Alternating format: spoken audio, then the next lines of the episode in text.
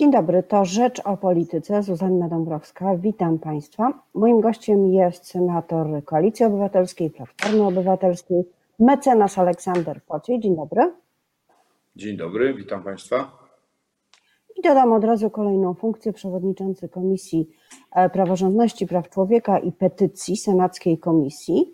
E, I jako ten przewodniczący e, wdał się Pan w ożywioną korespondencję z resortem spraw wewnętrznych w sprawie tego, kto ma do kogo przyjść. Skąd ta wymiana listów i pism? No, dosyć niezwykła, rzeczywiście tak jest skonstruowana demokracja e, w Polsce, że przewodniczący komisji mm, zaprasza do siebie e, przedstawicieli organów państwowych, e, ponieważ w zeszłym tygodniu przez weekend Polska żyła tymi wydarzeniami, które wszystkich zbulwersowały Mm, brutalnością e, zachowań e, policjantów, e, tych zwłaszcza, którzy, którzy byli po cywilnemu, mm, no, doszedłem do wniosku, że obowiązkiem Komisji Praworządności, Praw Człowieka jest dowiedzieć się, dlaczego tak się wydarzyło. No i napisałem, i to jest normalny tryb, poprosiłem, E, aby ktoś e, z resortu spraw wewnętrznych i ktoś z Komendy Głównej Policji e, do nas przyszedł. No i w poniedziałek otrzymałem pismo, we wtorek miała być komisja, że co prawda wszyscy są w Ministerstwie Spraw Wewnętrznych i w Komendzie Głównej Policji tak zajęci, że nie mają czasu, żeby do nas przyjść. Natomiast no, zapraszają mnie i resztę komisji e, do siebie e, i że tam pokażą nam e, filmy wskazujące na to, że było dokładnie odwrotnie, że to, że to agresywni byli ci, którzy demonstrują. Więc no, sytuacja absolutnie niezwykła. Zwłaszcza, że w tym samym czasie przedstawiciele Komendy Głównej Policji a był to, jeżeli dobrze pamiętam, pan Ciarka, no, znaleźli czas, żeby udzielić wywiadu e, w tym samym dniu e, panu e, redaktorowi Kraśce i próbować wyjaśniać, z marnym zresztą skutkiem, jak to widzieliśmy, próbować wyjaśniać, co, co się wydarzyło. No, jest to absolutnie bulwersujące, zwłaszcza, zwłaszcza, i to jest ostatnia rzecz z którą chciałbym się podzielić z Państwem. Zwłaszcza, że również odmówiono marszałkowi Senatu e, przyjścia e, na posiedzenie plenarne e, i, i zdania relacji, wyjaśnienia senatorom. A przypominam, prawie połowa składu Senatu to są senatorzy Prawa i Sprawiedliwości. W związku z tym E, jest to mm, policzek i to jest lekceważenie e, wszystkich formacji, które w Senacie są. Nawet minister spraw wewnętrznych Mariusz Kamiński zabrał głos w tej sprawie i powiedział, że nie ma żadnego problemu. On jest w kontakcie z e, senatorem Pociejem, wszystko jest pod kontrolą i właściwie nic się nie wydarzyło. No, jeżeli ten list którym e, jego e, zastępca e, stwierdzał, że nie miał czasu, ani on, ani, ani nikt z ministerstwa, no to to jest ten kontakt. No to pozostawiam wszystkim Państwu do przemyślenia, jaki to jest kontakt z Senatem Rzeczpospolitej. Spróbujmy więc e, ocenić bez e, tłumaczeń policji e, składanych na posiedzeniu komisji, z tego co mówią właśnie rzecznicy i komendy stołecznej i komendy głównej policji, zachowanie służb porządkowych i policji przede wszystkim i antyterrorystów podczas tych protestów, których dochodzi na ulicach polskich miast. Ja przypomnę, że na sobotę planowany jest E, następny protest w rocznicę uzyskania praw wyborczych przez kobiety. Pani doktor, Ja nie mam jakiejś e, e, szczególnej wiedzy. Mam właśnie przez to, że e, nikt e, do nas z, z ministerstwa ani z Komendy Głównej Policji nie pofatygował się. W związku z tym ja nie mam większ, większej wiedzy na ten temat niż każdy obywatel oglądający telewizję. Bądź analizując te filmi, filmiki, które są dostępne w sieci. Ale z tego, co widziałem, no nie miało dla mnie żadnej wątpliwości, że te działania doprowadziły i eskalowały e, przemoc. Jest taki film, w którym e, e, pokazana jest e, e, grupa e, 30 mm, mężczyzn kompletnie po cywilnemu, kompletnie po cywilnemu, e, która jest filmowana. E, Autor tego e, film, filmiku mówi, że to, to są e, antyterroryści, którzy tutaj zebrali się, nie wiadomo po co, po co tutaj przyszliście. I chwilę później następny filmik, e, ci sami ludzie, e, którzy wchodzą w tłum i zaczynają tłuc e, ludzi, dziewczyny, dzieci e, pałkami teleskopowymi. I, i, jest to bulwersujące i jeżeli rzeczywiście e, byli to e, policjanci po cywilnemu, no to to jest skandal. I y, również, e, bo e, przysz, mieliśmy na komisji, na którą nie przyszli e, przedstawiciele policji, ale mieliśmy e, dwójkę e, młodych ludzi, e, którzy zostali zatrzymani przez policję. No to, co oni opowiadali, e, było tak bulwersujące, sposób poniżania przy zatrzymaniu, rozbieranie ich do naga, e, przeprowadzanie jakichś no, e, intymnych e, czynności, tak jakby e, złapano jakichś e, terrorystów, e, no to było bulwersujące. Mieliśmy e, przedstawicieli e, e, adwokatury i e, muszę powiedzieć, że adwokaci e, zachowali się przy tych protestach w sposób e, no, wspaniały, po prostu wspaniały. Zorganizowali się, jeździli, żeby pomagać i świadczyć pomoc prawną tym zatrzymanym.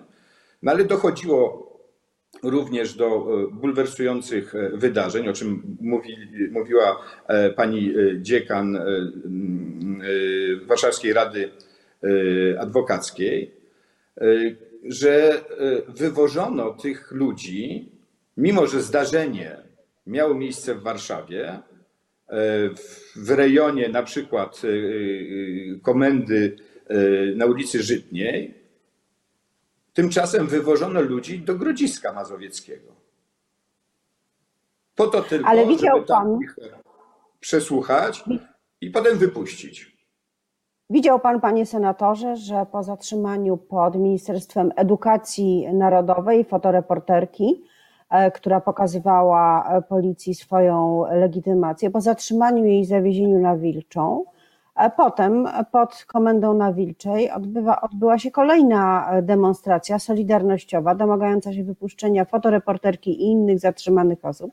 Więc może to postępowanie związane z wywożeniem do innych podwarszawskich komend po prostu wynika z tego, że policja nie chce mieć do czynienia z takimi demonstracjami solidarnościowymi pod swoją siedzibą. No pewnie nikt by nie chciał. No tak, no ale to jest y, y, y, y, oczywiście, no, ja rozumiem skąd to się bierze, no ale to są e, działania takie szykanujące e, ponad miarę. No proszę sobie wyobrazić, że wywożą, nie wiem, 17-latka czy 16-latkę e, do Grodziska z Warszawy. E, Jest wieczór, e, nie ma dostępu do adwokatów.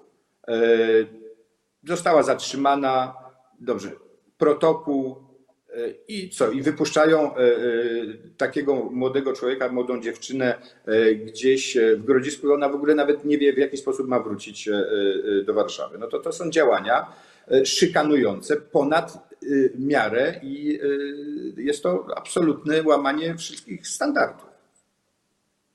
Powiedział pan e, 16-17, ale tu jest chyba dość kluczowa różnica między tym, jak ktoś ma 16 lat i 17. Kiedy wolno zatrzymać młodą osobę, e, kiedy zaś należy zawiadomić jej rodziców lub e, opiekunów i, i właśnie z nimi się skontaktować. Krótko mówiąc, w jakim wieku ktoś może iść na policyjny dołek, być zatrzymanym, jeśli E, dysponuje oczywiście dokumentem potwierdzającym wiek. E, Mieliśmy, mie- mieliśmy świadectwo, e, bo e, taki siedemnastolatek e, e, przyszedł do nas e, i, był, e, e, i opowiadał komisji, co się wydarzyło, ale był również jego ojciec.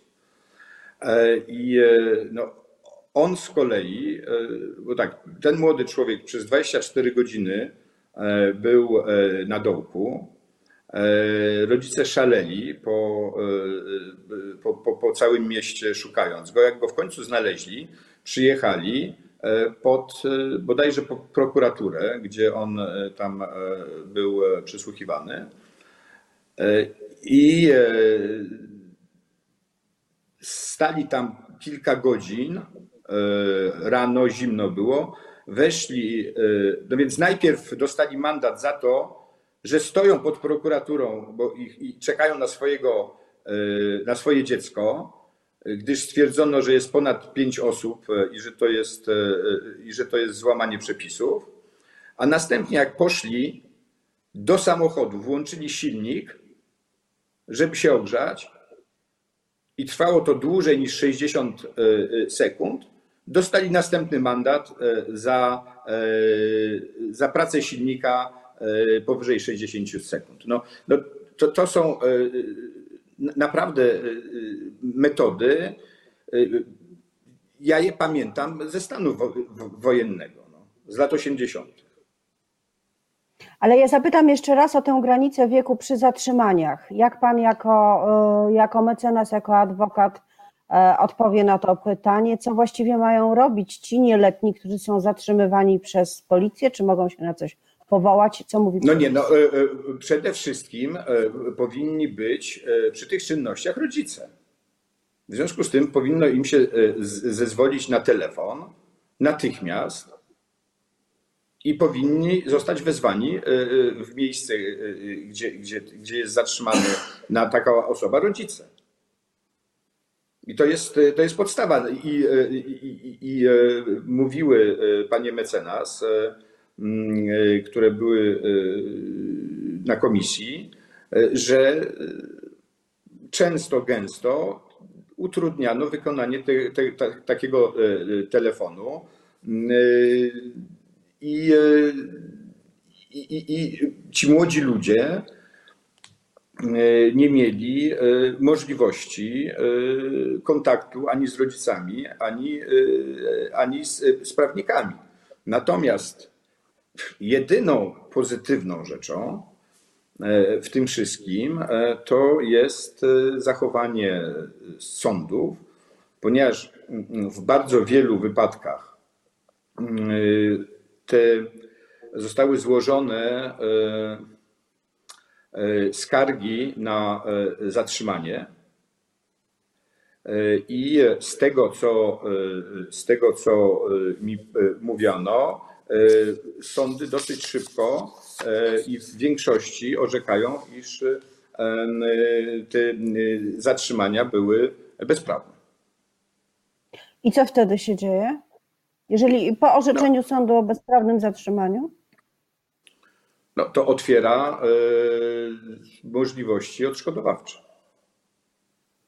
E, Na koniec zapytam pana e, jako prawnika, ale przede wszystkim jako, jako polityka, jako polityka opozycji, e, która w Senacie ma większość.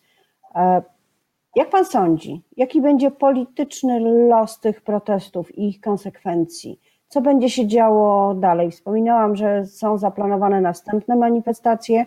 Nie zanosi się na to, żeby policja zachowywała się Inaczej nie zanosi się też na to, żeby demonstranci mieli zrezygnować. Co będzie?